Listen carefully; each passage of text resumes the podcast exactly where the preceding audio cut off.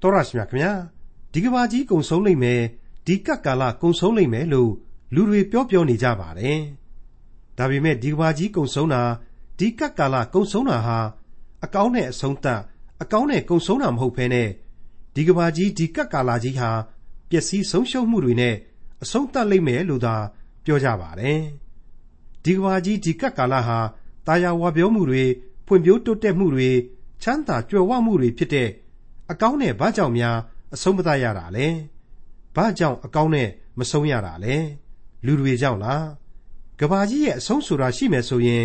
အစဆိုတာလည်းရှိခဲ့ရမှာဖြစ်တာကြောင့်ကဘာကြီးနဲ့လူသားတွေကိုစတင်ဖန်ဆင်းတော်မူခဲ့တဲ့ဖန်ဆင်းရှင်ဘုရားကဘယ်သူတွေကိုဘာတွေကိုဖျက်ဆီးမှလဲ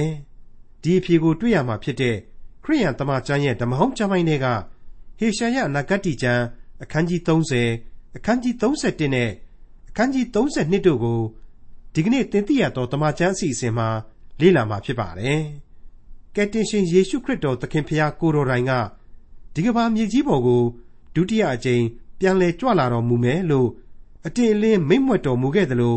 ယေရှုခရစ်တော်မပေါ်မထွန်းမီကလေးကလည်းကြိုတင်ဗျာဒိတ်ပြုထားချက်တွေရှင်းနေခဲ့တဲ့အကြောင်းဟေရှာယနာဂတိကျမ်းအခန်းကြီး30အခန်းကြီး31နဲ့အခန်းကြီး32တို့ကိုဒေါက်တာထွန်းမြတ်အေးက အခုလိုလေ့လာတင်ပြထားပါတယ်။တင်ပြရသောသမာကျမ်းရဲ့မိတ်ဆွေတော်တတ်ရှင်အပေါင်းတို့ခမညာဒီကနေ့ဒီအချိန်မှာတော့ကျွန်တော်တို့ဟာသမိုင်းဖြစ်ရမှန်ဂွင်းဆက်ကလေးတွေကိုရှင်တွဲပြီးတော့လေ့လာသွားရမယ်အပိုင်းတစ်ခုကိုဒီကနေ့ဟေရှာယအနာဂတိသင်ခန်းစာများမှတဆင့်ရောက်ရှိလာပါပြီ။ဟေရှာယအနာဂတိကျမ်းအခန်းကြီး30အငယ်1မှ9မှာဘယ်လိုစတင်ဖော်ပြလိုက်သလဲဆိုတာကိုနားဆင်ကြည့်ကြပါစို့။ထာဝရဘုရားမိန့်တော်မူသည်ကပုန်ကန်သောအမျိုးသားတို့သည်အမင်္ဂလာရှိကြ၏ သူတို့သည်ငါ့ကိုအမိမပြုဘဲအချင်းချင်းတိုင်ပင်ကြ၏ငါဝိညာဉ်အခွင့်မရှိဘဲမိသဟာယဖွဲ့၍အထက်ထက်အပြည့်ရောက်ကြ၏ဖာရောဘုရင်၏ဘုံကိုအမိပြု၍အေဂုတ်ထုအရိတ်ကိုခိုလှုံခြင်းဟာငါနှုတ်ထွက်ကိုအခွင့်မပန်ဘဲအေဂုတ်ထုပြည်သို့ရောက်အောင်သွားကြ၏တို့ဖြစ်၍သင်တို့သည်ဖာရောဘုရင်၏ဘုံကိုအမိပြုသောကြောင့်ရှက်ကြောက်ကြရလိမ့်မည်အေဂုတ်ထုအရိတ်ကိုခိုလှုံသောကြောင့်မျက်နှာပြက်ကြလိမ့်မည်သူတို့မင်းတို့သည်ဇောနမြို့၌ရှိကြပြီ တန်တမန်တို့သည်ဟာနက်မြို့သို့ရောက်ကြပြီအသုံးမဝင်အကူအညီမပေးကျေးဇူးမပြုနိုင်ပေရှက်ကြောက်ခြင်းအတရေပြက်ခြင်းအကြောင်းသာဖြစ်သောလူမျိုးကိုသူတို့ရှိသမျှသည်ရှက်ကြောက်ကြ၏ရှင်သိမရှင်သိပြိုငွေစိုးပြန်တက်သောမီးမွေများသဖြင့်အလွန်ခဲရင်၍ဆင်းရဲသောပြည်ကိုရှောက်လျက်တောင်မျက်နှာသို့သွားသောတိရစ္ဆာန်တို့အပေါ်မှတင်သောဝန်များကိုကြည့်ရှုကြလော့မြဲပခုံးပေါ်မှဥစ္စာပစ္စည်းများကို၎င်း ကလအုပ်တို့အပေါ်မှဗန္တာများကို၎င်းတင်၍ကျေးဇူးမပြုနိုင်သောလူမျိုးထံသို့ဆောင်းသွားကြပြီတကားအေဂုတ်ထုပြည်သည်အချီးနှီးသက်သက်အကျိုးမပေးနိုင်ထို့ကြောင့်မလှုပ်ဖဲနေတတ်သောရာခတ်ဟုငါသမုတ်ပေ၏အာရှုရိလူမျိုးတွေရဲ့ချင်းချောက်မှုတွေဟာရှိနေတယ်ဒါပေမဲ့မင်းတို့ဣသရေလအေဂုတ်ထုကိုတွားပြီးတော့မဟာမိတ်မဖွဲ့နဲ့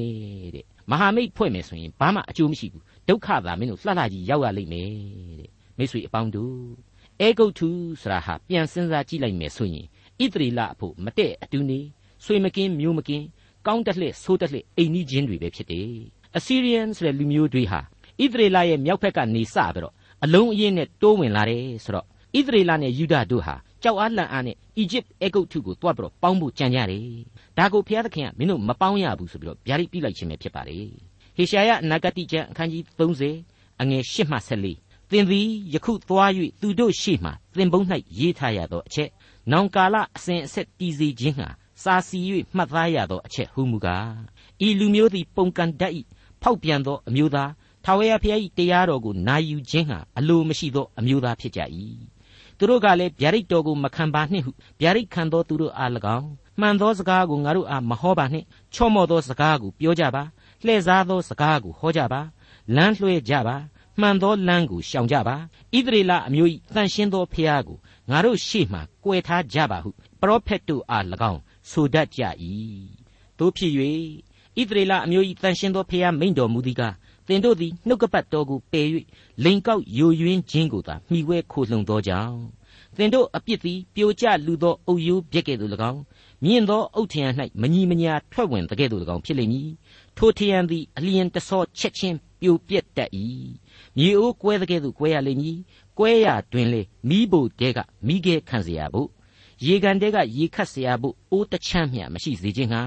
နှမျောခြင်းမရှိဘဲခွဲခြင်းကိုခံရလိမ့်မည်ဟေရှာယမှတဆင့်ပြီးပြီးပြင်းပြင်းသိစေခြင်းတည်းဒါကြောင့်သင်ပုံးကြီးနဲ့ကိုရေးပြီးတော့အားလုံးကိုကြည်ညာထားလိုက်ပါဆိုပြီးတော့ဖော်ပြလိုက်ပါတယ်အဲ့ဒီလိုဘုရားသခင်ရဲ့ဗျာဒိတ်တော်တွေကိုယူဒာဟာနားထောင်နေမဆိုးဘူးမြောက်ဖက်ဣသရေလကတော့အရှင်းနားမထောင်ဘူး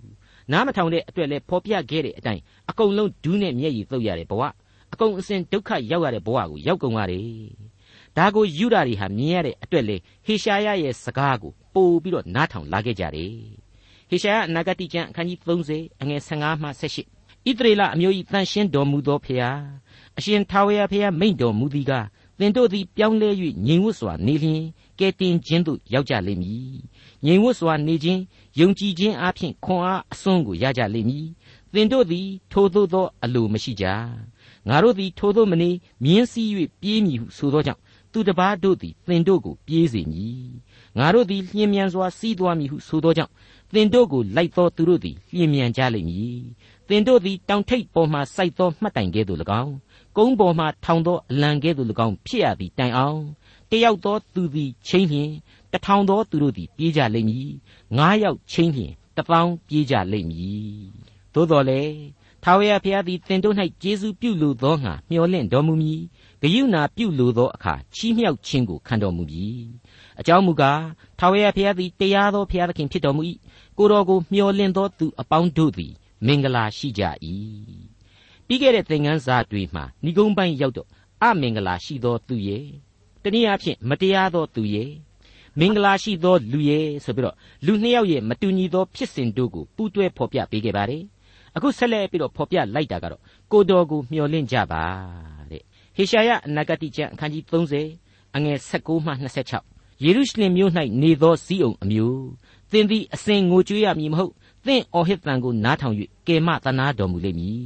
ထိုအသံကိုကြားသောအခါထူးတော်မူလိမ့်မည်ထာဝရဘုရားသည်သင်အားဒုက္ခမုံကိုကျွေး၍ဆင်းရဲခြင်းရေကိုတိုက်တော်မူတော်လေသင်ဤဆရာတို့သည်နောက်တဖန်ပုန်းရှောင်၍မနေရကြကိုမျက်စိနှင့်ကိုဆရာတို့ကိုမြင်ရလိမ့်မည်သင်သည်လက်ရဘက်လက်ဝဲဘက်သို့လမ်းလွဲလျင်ဤမည်သောလမ်းသည်မှန်၏ဤလမ်း၌သွားလောဟုသင်နောက်၌ပြောသောစကားသံကိုကိုနားနှင့်ကြားရလိမ့်မည်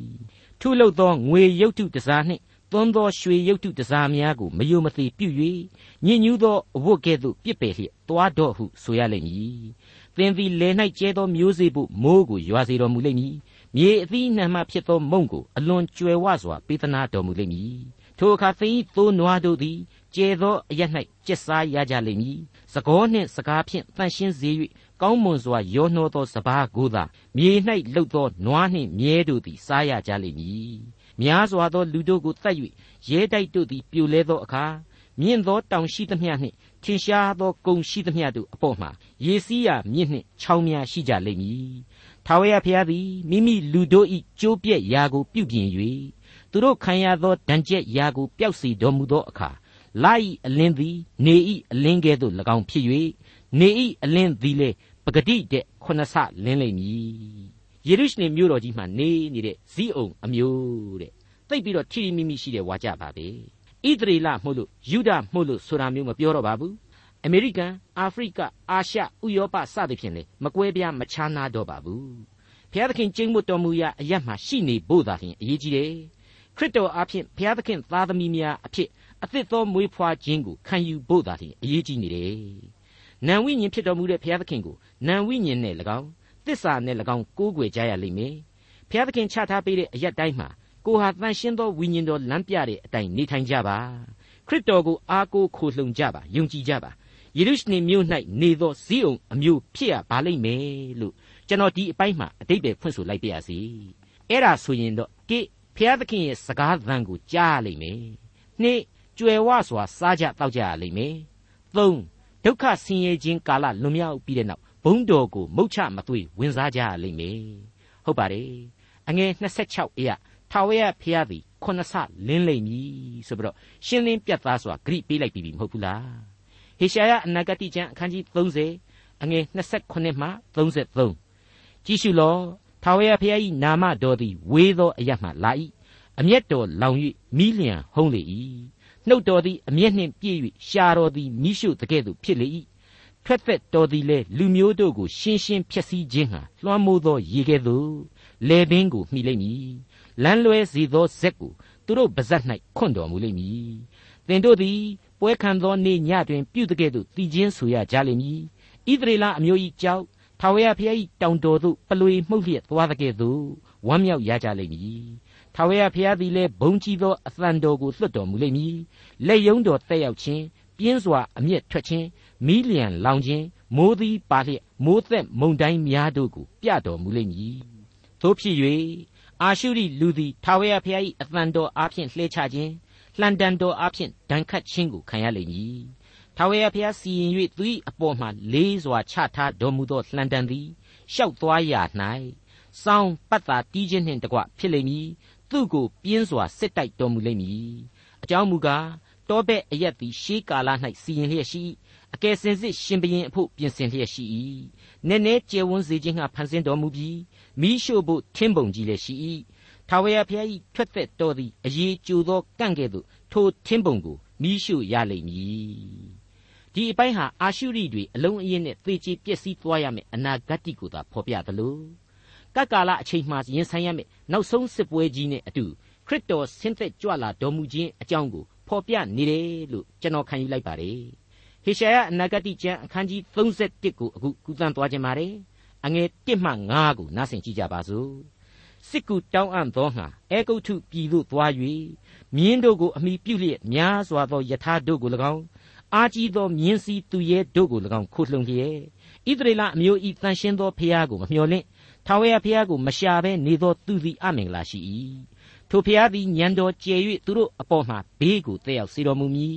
စကားတော်မပြတ်ဖဲသိုးသောလူမျိုးကို၎င်းမတရားသဖြင့်ပြုသောသူတို့ဘက်မှနေသောသူတို့ကို၎င်းတစ်ဖက်၌ထတော်မူမည်အေဂုတ်ထုပြည်သားတို့သည်ဖျားမဖြစ်လူသက်သက်ဖြစ်ကြ၏သူတို့မြင်းသည်လည်းဝိညာဉ်မဖြစ်အသားသက်သက်ဖြစ်၏ထာဝရဘုရားသည်လက်တော်ကိုဆန့်တော်မူသောအခါမဆတတ်သောသူသည်လဲလိမ့်မည် မဆအပ်သောသူလည်းဆုံးရှုံးလိမ့်မည်အလုံးစုံတို့သည်အတူပျက်စီးခြင်းသို့ရောက်ရကြလိမ့်မည်ထာဝရဘုရားသည်ငါအားမိန့်တော်မူသည်ကားရှင်သေးနှင့်ရှင်သေးတငယ်သည်လူယူရာအကောင်ပေါ်မှနေသောအခါသိုးရင်းအလုံးအရင်ဤစီတာအော်ဟစ်ခြင်းကိုမကြောက်သူတို့ပြုသောအသံပလံအားဖြင့်အရှုံးမခံတကဲ့သို့ထိုနည်းတူကောင်းကင်ဘိုးကြီးအရှင်ထာဝရဘုရားသည်မိမိတောင်တော်ဒီဟုသောစီးအောင်တောင်တော်ဘက်မှစစ်တိုက်ခြင်းဟာဆင်းသက်တော်မူလိမ့်မည် ငှက်သည်သားငယ်ကိုအုတ်တက်တကဲ့သို့ကောင်းကင်ဘိုးကြီးအရှင်ထာဝရဘုရားသည်ယေရုရှလင်မြို့ကိုကွယ်ကာတော်မူမည်ကွယ်ကာစောင့်မ၍အပြစ်မပေးကယ်တင်တော်မူမည်အခန်းကြီး31ဟာအခန်းပိုင်းပြောင်းလဲသွားပြီမြင့်စောစောပိုင်းကသတိပေးချက်တွေဟာတကြော့ပြန်ပြီးကြားလာရတယ်လို့ပါပဲဒီအပိုင်းမှာနောက်ထပ်အပိုဆောင်လာတာကတော့ဘုရားသခင်ကိုသာအားကိုးကြလူကိုမကိုးစားကြပါနဲ့ဆိုတဲ့အချက်ဖြစ်ပါတယ်ဘုရားသခင်ကိုသာကိုးကွယ်ကြပါ လူအချင်းချင်းကိုတွားပြီးတော့မကိုးကွယ်ကြလိမ့်နဲ့လောကအရာတွေကိုတွားပြီးတော့အမိမပြုတ်ကြနဲ့လောကီအင်အားတွေကိုအတိကမထားကြပါနဲ့ဆရာတွေကိုရှင်းလင်းစွာထည့်သွင်းပေးလိုက်ခြင်းဖြစ်ပါတယ်ဒါကြောင့်အငယ်1မှစတင်ပြီးပေးလိုက်ပုံလေးကတော့စစ်ကူတောင်းအံ့သောငါအေဂုတ်ထုပြည်သို့သွား၍မြင်းတို့ကိုအမိပြုလျက်များစွာသောယထာတို့ကို၎င်းအာကြီးသောမြင်းစည်းသူရဲတို့ကို၎င်းခိုလှုံလျက်ဣသရေလအမျိုး၏တန်ရှင်းသောဘုရားသခင်ကိုမမျှော်လင့် ထာဝရဘုရားကိုမရှာဘဲနေသောသူတို့သည်အမင်္ဂလာရှိကြ၏ဆိုပြီးတော့ပြတ်သားစွာဖော်ပြလိုက်ခြင်းပဲဖြစ်ပါတယ်အဲ့ဒီလိုအမင်္ဂလာရှိသလားမရှိဘူးလားဆိုတာကိုတော့မြောက်ဖက်ဣသရေလဘုရင်ဟောရှိဆိုတဲ့ပုဂ္ဂိုလ်ကြီးအေဂုတ်ထုကိုတွားပြီးတော့စစ်ကူတောင်းတဲ့အခါမှာဖြစ်ပုံနဲ့ပဲရှင်းပြီးကြည့်စေခြင်းပါလေဓမ္မရာဇဝင်စရုပ်ထစာဆောင်အခန်းကြီး16အငယ်1ကနေ6အတွင်းမှာအခုလိုတွေ့နိုင်ပါတယ်ယုဒရှင်ဘုရင်အာခတ်နန်းဆန်12နှစ်တွင်အေလာဤသားဟောရှိသည်နန်းထိုင်၍ ရှမာရိမြို့၌ဣသရေလနိုင်ငံကို9နှစ်ဆိုးဆန့်လေ၏ထိုမင်းသည်ထာဝရဘုရားရှိတော်၌ဒုစရိုက်ကိုပြု၏သို့တော်လည်းသူရှိမှဖြစ်ဖူးသောဣသရေလရှင်ဘုရင်တို့ပြုသောဒုစရိုက်ကိုမမီထိုမင်းကိုအာရှုရိရှင်ဘုရင်ရှာလမနေဇာသည်စစ်ချီ၍ဟောရှေသည်ကျွန်ခံသဖြင့်အခွန်ဆက်ရ၏နောက်တဖန်နှစ်တိုင်းဆက်ရသောအခွန်ကိုမဆက်သွားအအမည်ရှိသောအေဂုတ်ထုရှင်ဘုရင်ထံသို့တန်တမန်ကိုဆေလွှတ်၍ပုံကံမိအကြံရှိသည်ကို အာရှုရိရှင်ဘုရင်သိသဖြင့်ဟောရှေကိုဖမ်းဆီး၍ထောင်ထဲမှချုပ်ထားပြီးလျှင်ဣသရေလပြည်တလျှောက်လုံးသို့စစ်ချီ၍ရှမာရိမြို့သို့ရောက်သောသုံးနှစ်ဝိုင်းထား၏ဟောရှေနန်းဆန်ကိုနှစ်တွင်အာရှုရိရှင်ဘုရင်သည်ရှမာရိမြို့ကိုရပြီးလျှင်ဣသရေလအမျိုးကိုအာရှုရိပြည်သို့သိမ်းသွား၍ဂောဇန်မြစ်နာဟာလမြို့ဟာဘော်မြို့အစရှိသော မေဒီနိုင်ငံမြို့ရွာတို့၌ထား၏ကဲတွေ့ကြရတဲ့အတိုင်းပဲ ဘယင်မှာကြိုးတုပ်ခေါ်သွားပြီးတော့တနိုင်ငံလုံးကိုကျွန်လုသွားတာအဲ့ဒီလောက်အထိဘုရားသခင်ရဲ့ဗျာဒိတ်တော်ကိုနားမထောင်ခဲ့တဲ့ဣသရေလရုပ်ပြက်ဆင်းပြက်တီခံစားခဲ့ရတယ်ဖြစ်ခဲ့ရတယ်ဟေရှာယအနာဂတိကျမ်းအခန်းကြီး31အငယ်6မှ9ကိုဆက်ပြရစီအိုးဣသရေလအမျိုးသားတို့သင်တို့သည်အလွန်လွှဲရှောင်ပယ်ထားသောဖျားထံတော်သို့ပြန်လာကြလော့အကယ်စင်စေလူအပေါင်းတို့သည်မိမိလက်ဖြင့်အသီးအသီးလှုပ်သောငွေရုပ်ထု ရွှေရုပ်ထုဒီဟုသော ပြစ်မှားရာအရာများကို ထိုကာလ၌ပြစ်လိုက်ကြလိမ့်မည်အာရှုရိလူသည်လည်းကြီးမြတ်သောသူ၏ဓာမဟုတ်သောဓာဖြင့်ဆုံးလိမ့်မည်ရုပ်သောသူ၏ဓာမဟုတ်သောဓာသည်သူ့ကိုဖျက်ဆီးလိမ့်မည်သူသည်လည်းဓာဘေးမှပြေး၍သူရဲတို့သည်ကျွန်ခံရကြလိမ့်မည်သူသည်လည်းကြောက်လန့်သဖြင့်မိမိခိုင်ခံ့သောမြို့ကိုလွန်သွား၍သူ၏မူးမတ်တို့သည် နမိတ်ကိုမြင်လျင်စိတ်ပြက်ကြလိမ့်မည်ဟုဇီးအုံတောင်ပေါ်မှမိလျံ ယေရုရှလင်မြို့၌မိဘိုရှိသောထာဝရဘုရားမိန့်တော်မူသည်ဒီအပိုင်းဟာယေရုရှလင်ကိုလာပြီးဝိုင်းတဲ့အာရှုရိရှင်ဘရင်သာနာခရိတ်ဥဆောင်တဲ့အာရှုရိတပ်မတော်ကြီးရဲ့ဖြစ်စဉ်များအပြင်ဟေရှာယရဲ့အနာဂတ်ကျမ်းဘလောက်ထိမှန်ကန်စွာပြည့်စုံခဲ့ပြီဆိုတာကိုမိษွေတို့သဘောပေါက်နားလည်ခဲ့ကြပြီလို့ထင်ပါတယ်ရှေ့မှာလည်းဒီအပိုင်းတွေကိုဆက်ပြီးတွေ့ရအောင်မှာပါ ဒီအကြောင်းကိုဓမ္မရာဇဝင်စရုပ်ထစာဆောင်အခန်းကြီး19အငယ်32ကနေ39အထိပြန်ဖတ်ကြည့်ရင်လည်းသက်သေထူနိုင်ပါတယ်အာရှုရိတပ်မတော်ကြီးတစ်ခုလုံးဟာကြီးမြတ်သောသူဤဓာတ်နဲ့လည်းမဆုံးရဘူးရုပ်သောသူရဲ့ဓာတ်နဲ့လည်းမဆုံးရပါဘူးကတိကတ်ဒဏ်ရာအရှင်းမပေါ်စေတဲ့ကောင်းကင်တမန်ရဲ့ဓာတ်နဲ့ဆုံးရတာပါဟုတ်ပါတယ်ဓာတ်ဆိုတာဟာတင်စားဖော်ပြမှုသာဖြစ်ပါတယ်အမှန်ကတော့ကာလနာတိုက်ချင်းနဲ့လက်ညှိုးထိုးပြီးတော့ကောင်းကင်တမန်ကသေခိုင်းပလိုက်တာပါပဲမိတ်ဆွေ အဲ့ဒီလိုစင်းနေအောင်ရှင်းနေအောင်မြင်ရတဲ့ဖြစ်စဉ်တွေနဲ့အတူနောက်ဆုံးသောကပ်ကာလရဲ့စီရင်ခြင်းတွေဆိုတာဟာလေရှိလိမ့်အောင်မယ်ဆိုတာကိုတော့ကျွန်တော်ခြံထားလို့ဘယ်နည်းနဲ့မှမရနိုင်ပါဘူးဟေရှာယအနာဂတိကျမ်းအခန်းကြီး32အငယ်1နဲ့2ကြည့်ရှုလောတရားသဖြင့်အုပ်ဆိုးသောရှင်ဘရင်တပါးပေါ်ထွန်းတော်မူလိမ့်မည်မင်းသားမူးမတ်တို့သည်တရားသဖြင့်စီရင်ကြလိမ့်မည်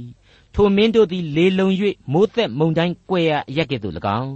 သွေးချောက်သောမြေ၌စီးသောချောင်းရည်ကဲ့သို့၎င်းနေပူသောအရ၌ကြောက်လုံးကြီးအရိပ်ကဲ့သို့၎င်းဖြစ်ကြလိမ့်မည်ကဲခေါင်းစဉ်ကိုအကြီးအကျယ်ပြောင်းပြရမယ်အနာဂတ်ကျမ်းအသစ်ဖြစ်နေပြီကြည့်ရှုလောတရားသဖြင့်အုပ်ဆိုးသောရှင်ဘရင်တပါးပေါ်ထွန်းလိမ့်မည်တဲ့မင်းသားမှုမှတ်တို့သည်တရားသဖြင့်စီရင်ကြလိမ့်မည်တဲ့တရားသဖြင့်အုပ်ဆိုးပြီးတော့တရားသဖြင့်စီရင်တယ်ဆိုတာကိုအင်္ဂလိပ်က reign in righteousness ဆိုပြီးတော့ဖော်ပြပါတယ် ကျွန်တော်တို့ကပ္ပသမိုင်းမှာအဲ့ဒီလို reign of righteousness ဆိုတာတခါမှမကြားဘူးသေးပါဘူး reign of terror ဆိုတဲ့တထိတ်ထိတ်ကြီးလန့်စာစားဖြစ်ရတဲ့ခေတ်တွေကိုကြုံခဲ့ရတယ် reign of revolution လို့ခေါ်တဲ့အမြဲတော်လှန်နေတဲ့ခေတ်တွေ reign of rage လို့ခေါ်တဲ့အကြမ်းဖက်တဲ့ခေတ်တွေကိုသာလျှင်အစဉ်စိုက်သမိုင်းမှာကြိုက်ကြိုက်မကြိုက်ကြိုက်လက်ခံပြီးကြားနာခဲ့ကြရတာများပါတယ်အဲ့ဒီအတိုင်းကြီးပဲခေတ်တွေကိုကြော်လွှားခဲ့ရပါတယ်တရားမျှတလှပါတယ်ငြိမ်းချမ်းသာယာဝပြောလှပါတယ်ဆိုတဲ့ အင်္ဂလန်နိုင်ငံသမိုင်းက Victoria era ဆိုတာဟာတော့မှတရားမျှတတဲ့ခေတ်လို့ဘယ်လို့မှမဆိုနိုင်ပါဘူး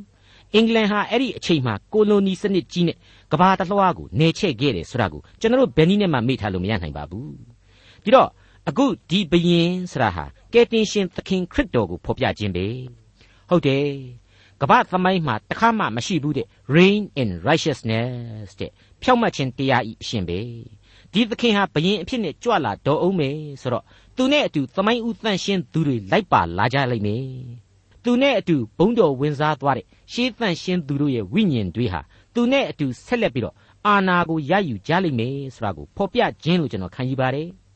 သူ့ရဲ့အရေးအဝါသအောက်မှာဣသရေလတပါးအမျိုးသားရေဆိုပြီးတော့ဣသရေလတို့နဲ့သက်ဆိုင်တဲ့ဗျာဒိတ်ဒီအရာကျွန်တော်တို့နားလေခံယူကြပါတယ်ဒါပေမဲ့အဓိကအားဖြင့်သူ့ရဲ့ကျေးဇူးတော်ကိုလက်ခံသလား သူ့ရဲ့ကျေးဇူးတော်ကိုညှင်းပယ်သလားဆိုတဲ့အချက်နဲ့သားလျှင်ဘုံတော်ကိုလူသားတိုင်းဝင်စားကြရလိမ့်မယ်လို့ကျွန်တော်တို့ခံယူပါတယ်မှန်ပါတယ်မိတ်ဆွေသူ့ရဲ့နိုင်ငံတော်ဟာကြောက်လုံးကြီးရဲ့အရေးမှနေရတယ်လို့ဘေးလွတ်လုံခြုံမယ်ဆိုတာကိုဖော်ပြလိုက်ယုံတယ်မကဆက်ပြီးတွေ့နိုင်တဲ့အချက်ကတော့ဟေရှာယအနာဂတိကျမ်းအခန်းကြီး32အငယ်3နဲ့4ဖြစ်ပါတယ်မျက်စိမြင်သောသူတို့သည်ရှင်းလင်းစွာမြင်ကြလိမ့်မည်နားကြားသောသူတို့လည်းနားထောင်ကြလိမ့်မည် သတိမရှိသောသူ၏စိတ်နှလုံးသည်ဆင်ခြင်၍ပညာရှိလိမ့်မည်စကားအသောသူ၏ရှာသည်လည်းစကားပြီးအောင်ပြောတတ်လိမ့်မည်ဒီတော့ဘုရားသခင်ကဖော်ပြတာကိုမြင်တတ်ဖို့ကြားတတ်ဖို့လိုပါတယ်တနည်းအားဖြင့်ခံယူတတ်ဖို့နှလုံးသားစိတ်ဝိညာဉ်တကားကိုဖွင့်ထားဖို့လိုတယ်ဆိုတာတွေ့ဟာနောက်ဆက်တွဲတွေ့လာရတဲ့အချက်တွေပါပဲဟေရှာယအနာဂတိကျမ်းအခန်းကြီး32အငယ်9မှ8ရုပ်သောသူကိုနောက်တဖန်အမျက်ဟူ၍၎င်း စေးနှဲသောသူကိုလည်းနောက်တဖန်စွန့်ကြဲတတ်သောသူဟူ၍၎င်းမခေါ်ရအကြောင်းမူကားရုပ်သောသူသည်လျှို့ဝှက်လျက်ထာဝရဘုရားကိုနှုတ်ဖြင့်ပြစ်မှားလျက်မွတ်သိပ်သောသူကိုသာ၍ဆင်းရဲစေခြင်းဟာရေငတ်သောသူကိုရေမတော့စေခြင်းဟာ၎င်းရုပ်သောစကားကိုပြော၍မကောင်းသောအကြံကိုကြံလေအောင်မည်စေးနှဲသောသူသုံးဆောင်ရာတစားသည်လေဆိုးလှ၏ဆင်းရဲငတ်မသောသူ၏အမှုသည်မှန်တော်လေထိုသို့သောသူကိုမှုသာစကားအဖြစ်ဖြစ်စည်းခြင်းဟာ မကောင်းသောအကြံကိုသာကြံတတ်၏စေတနာရှိသောသူမူကားစေတနာနှင့်ဆိုင်သောအကြံတို့ကိုကြံစီတတ်၏စေတနာနှင့်ဆိုင်သောအရာများတို့အဖြစ်တည်ရလိမ့်မည်အခုဖော်ပြချက်တွေဟာကောင်းသောသူနဲ့မကောင်းသောသူမင်္ဂလာရှိသောသူနဲ့မရှိသောသူကိုတွန်းတွဲပြီးဖော်ပြတယ်တနည်းအားဖြင့်ဒီအနာဂတ်ဘိုင်းတွေဟာဆုံးမဩဝါဒစာများရဲ့အသွင်ကိုဆောင်နေတယ်လို့ကျွန်တော်ခံယူပါတယ်ဟေရှာယအနာဂတ်ကျမ်းအခန်းကြီး32အငယ်6မှ7 ငြိမ်သက်စွာနေသောမိမတို့ထားကြငါပြောသံကိုကြားကြလော့သတိမရှိသောသူတို့သမီးတို့ငါစကားကိုနားထောင်ကြလော့သတိမရှိသောမိမတို့သင်တို့သည်တစ်နှစ်လွန်မှပူပန်ကြလိမ့်မည်အကြောင်းမူကားစပြစ်သီးကိုသိမ်းခြင်းအမှုပြတ်လိမ့်မည်စပားအသီးအနှံကိုသိမ်းရာကာလမရောက်ရငြိမ်သက်စွာနေသောမိမတို့တုန်လှုပ်ကြလော့သတိမရှိသောသူတို့ပူပန်ခြင်းရှိကြလော့အဝတ်တစားရှိသမျှတို့ကိုပယ်ချွတ်ပြီးမှခါး၌လျှော်တေအဝတ်ကိုစီးကြလော့ ရင်ဘတ်ကိုခတ်ခြင်းသာယာသောလေယာနှင့်အသီးများသောစပြစ်နွယ်ပင်အတွက်ညီးတွားခြင်းရှိလိမ့်မည်ဒါဟာကပ်ကာလဒုက္ခဆင်းရဲခြင်းများကိုမိမတွေကနေတဆင့်ထပ်မံသတိပေးတာဖြစ်ပါတယ်ဒုက္ခဆင်းရဲခြင်းကြီးစွာခံစားရမယ့်ကာလမှာလူအဖွဲ့အစည်းအတွင်းကြပြောင်းကြပြန်တည်ဖြစ်မယ်ကလေးလေးတွေကတက်ပြီးတော့ရဲရဲဆက်အုပ်ချုပ်ကြမယ်မိမတွေကမင်းပြုတ်ကြလိမ့်မယ်ဆိုတာတွေ့ကိုဟေရှာယအနာဂတိကျမ်းအခန်းကြီး3မှာကျွန်တော်တို့လေ့လာခဲ့ကြပြီးပါပြီ တစ်ချိန်တည်းမှာမိမတွေဟာလေလျှက်ပေါ်လော်လီမှုတွေဖြစ်လာလိမ့်မယ်ဆိုတာကိုဟေရှာယသတိပေးခဲ့ပြီးပြီဖြစ်ပါတယ်ဒါကြောင့်ဒီအချိန်မှာအမျိုးသမီးတွေကိုပို့ပြီးတော့သတိတရားရစေဖို့သီးသန့်ဖော်ပြခြင်းဖြစ်တယ်လို့ကျွန်တော်ခံယူပါတယ်အဲ့ဒီအချိန်ကာလရဲ့သဘောဟာကြပြောင်းကြပြန်တွေဖြစ်မယ်ဆိုတာကိုအကြမ်းပြင်းကျွန်တော်တို့နားလည်နိုင်ပါတယ်အတိအကျတော့ကျွန်တော်တို့မပြောတတ်ပါဘူးအခုကျွန်တော်တို့တက်လက်ပိုင်းလူငယ်လူရွယ်တွေကိုမေ့ပြီးတော့ကြည်ပါလူလက်ပိုင်းတွေကိုကျွန်တော်ဆိုလိုခြင်းဖြစ်ပါတယ် နှစ်ပေါင်း40 50လောက်အတွင်းမှာတောင်မှလူအဖွဲ့အစည်းရဲ့ထုံတန်းစင်လာတွေဟာတသမတ်သေးပြောင်းလဲနေတယ်ရှေ့လျှောက်ပြီးတော့လဲပြောင်းလဲနေမှာအသေးချာဖြစ်တယ်အဲ့ဒီအချိန်ကာလကြီးတစ်ခုလုံးကိုနှုတ်ကပတ်တော်ဟာလွှမ်းမိုးပြီးထားတယ်ကျွန်တော်လူသားကလိုက်လွှမ်းမိုးခြင်းလို့တော့ဘယ်နည်းနဲ့မှမရနိုင်ဘူးလို့တင်ပြလိုက်ပါရစေဟေရှာယအနာဂတိကျမ်းအခန်းကြီး32အငယ်73နဲ့74ငါလူတို့ဤမြေကို၎င်းဝမ်းမြောက်သောအိမ်နှင့်ရှင်လန်းသောမြို့ကို၎င်း စုပင်အမျိုးမျိုးတို့သည်တက်၍လွှမ်းမိုးကြလိမ့်မည်ဘုံဗိမ္မာန်တို့ကိုစွန့်ပစ်၍မြို့၏အသံပလံငြိမ့်လိမ့်မည်ဩဖေလကုန်းနှင့်ရဲရိုက်တို့သည်အစဉ်မြေတွင်းနှင့်ပြည့်စုံ၍ရိုင်းသောမြဲပျော်မွေ့ရာသိုးစုကျက်စားရာဖြစ်လိမ့်မည်ရှင်းနေပါတယ်မိမများကနေတဆင့်ဖော်ပြတဲ့အနာဂတ်တွေဟာအလွန်ခဲရင်ဆိုးရုပ်သောအနာဂတ်ကာလကိုဥတည်နေတာပါ၁ငါလူတို့ဤမြေ၂ဝမ်းမြောက်သောအိမ်၃ ရှင်လန်းသောမြို့တဲ့အဲ့ဒီသာယာဝပြောခြင်းအလုံးစုံတို့ဟာအကျွင့်မဲ့ပြက်သုံးကုန်ကြရမယ်လို့ဆိုလိုခြင်းဖြစ်ပါတယ်မဆန်းလာပါဘူးသူဖန်ဆင်းတဲ့မြေဟာသူ့လက်တော်ထဲမှာသာလျှင်ရှိနေပါတယ်ဒါကိုဆာလံဆရာဒါဝိဒ်မင်းကြီးဟာပြက်ပြက်သားသားပဲဖော်ပြထားခဲ့ပြီးဖြစ်ပါတယ်ထာဝရဘုရားသည်လောကဓာတ်နှင့်လောကသားတို့ကို၎င်းမြေကြီးနှင့်မြေကြီးတစားတို့ကို၎င်းပိုင်တော်မူ၏တဲ့မရှင်းဘူးလားမိတ်ဆွေဘုရားသခင်ဟာကျွန်တော်တို့ကိုအကျွင့်မဲ့ပိုင်ဆိုင်တယ် ဘုံတကိုးတော်နဲ့အရာရာကိုတတ်ဆွမ်းနိုင်စွမ်းရှိတယ်ဆိုတာကိုသိရင်စိုးရိမ်တုန်လှုပ်ခြင်းရှိကိုရှိရလိမ့်မယ်တစ်ချိန်တည်းမှာသူပေးတဲ့ကယ်တင်ခြင်းကျေးဇူးတရားကိုလက်ခံပြီးတော့အသက်တာရဲ့နေ့ရက်တိုင်းကိုဆုတောင်းခြင်းအပြင်ကုံဆုံးလွန်မြောက်ထိုက်လာကြောင်းတင်ပြလိုက်ပါတယ်ဟေရှာယအနာဂတိကျမ်းအခန်းကြီး32အငယ်15မှအဆုံးအထိဝိညာဉ်တော်သည်ကောင်းကင်မှငါတို့အပေါ်သို့သွန်းလောင်း၍တောသည်အသီးအနှံများသောလယ်ဖြစ်၍အသီးအနှံများသောလယ်သည် တောအုပ်ကဲ့သို့မှတ်ရသောကာလမရောက်မီတိုင်အောင်ထိုသို့ဖြစ်ကြလိမ့်မည်ထိုအခါတော၌ကတရားသဖြင့်စီရင်ခြင်းတည်၍အသီးအနှံများသောလယ်၌ကဖြောက်မှတ်ခြင်းပါရမီသည်အမြဲနေရလိမ့်မည်ဖြောက်မှတ်ခြင်းတရားသည်လည်းငြိမ်သက်ခြင်းကိုပြုစုလိမ့်မည်ဖြောက်မှတ်ခြင်းအကျိုးမူကားသာဝရငြိမ်သက်ခြင်းနှင့်လုံခြုံခြင်းသည်ငါ၏လူတို့သည်လည်းငြိမ်သက်သောနေရာလုံခြုံသောမြို့ရွာဘေးလွတ်သောချမ်းသာရာအရတ်တို့၌နေရကြလိမ့်မည်တို့ရတွင်မိုးသည်ကြသဖြင့် တောအုပ်ကိုလှဲ၍မြို့ကိုလည်းမြေနှင့်တညီသည်ဖြိုဖျက်လိမ့်မည်ရေရှိရာအရရတို့၌မျိုးစေ့ကိုကျဲ၍နွားချီနှင့်မြဲချီတို့ကိုလွတ်တတ်သောသင်တို့သည် မင်္ဂလာရှိကြ၏မိတ်ဆွေအပေါင်းတို့ဒီအပိုင်းဟာအတော်ကြီးနားထွေးတဲ့အပိုင်းဖြစ်နေပါတယ်ဒါပေမဲ့နှက်ဆိုင်တဲ့အတိတ်ပဲရှိတယ်လို့ခံယူသင့်ပါတယ်အငယ်15မှာတုန်းကဝိညာဉ်တော်ဟာကောင်းကင်ဘုံမှမကြခင်အချိန်အထိဆိုတဲ့ဒုက္ခဆင်းရဲခံစားရအချိန်ကာလသတ်မှတ်ချက်နဲ့ တောက်လျှောက်ဆက်ဆက်နေမယ်လို့ကျွန်တော်ဆိုချင်ပါတယ်အဓိကအားဖြင့်ကတော့ဖျားသခင်ရဲ့ကောင်းကင်နိုင်ငံတော်ကိုဝင်စားဖို့ရန်လူသားတိုင်းဟာကြိုတင်ပြင်ဆင်ထားကြရမယ်သတိမလစ်စေရဘူးဆိုတဲ့အချက်ကိုဖော်ပြလိုက်တယ်လို့ကျွန်တော်အတိတ်ပဲဖွင့်ဆိုပြရစီခင်ဗျာဒေါက်တာထွန်းမြတ်ရေးစီစဉ်တင်ဆက်တဲ့တင်ပြရတော်တမချန်းအစီအစဉ်ဖြစ်ပါတယ်နောက်တစ်ချိန်အစီအစဉ်မှာခရိယန်တမချန်းရဲ့ဓမ္မဟောင်းကျမ်းပိုင်းတွေကဟေရှာယအနာဂတ်ကျမ်းအခန်းကြီး33ကိုလေ့လာမှဖြစ်တဲ့အတွက် စောင့်မျှော်နားဆင်နိုင်ပါတယ်။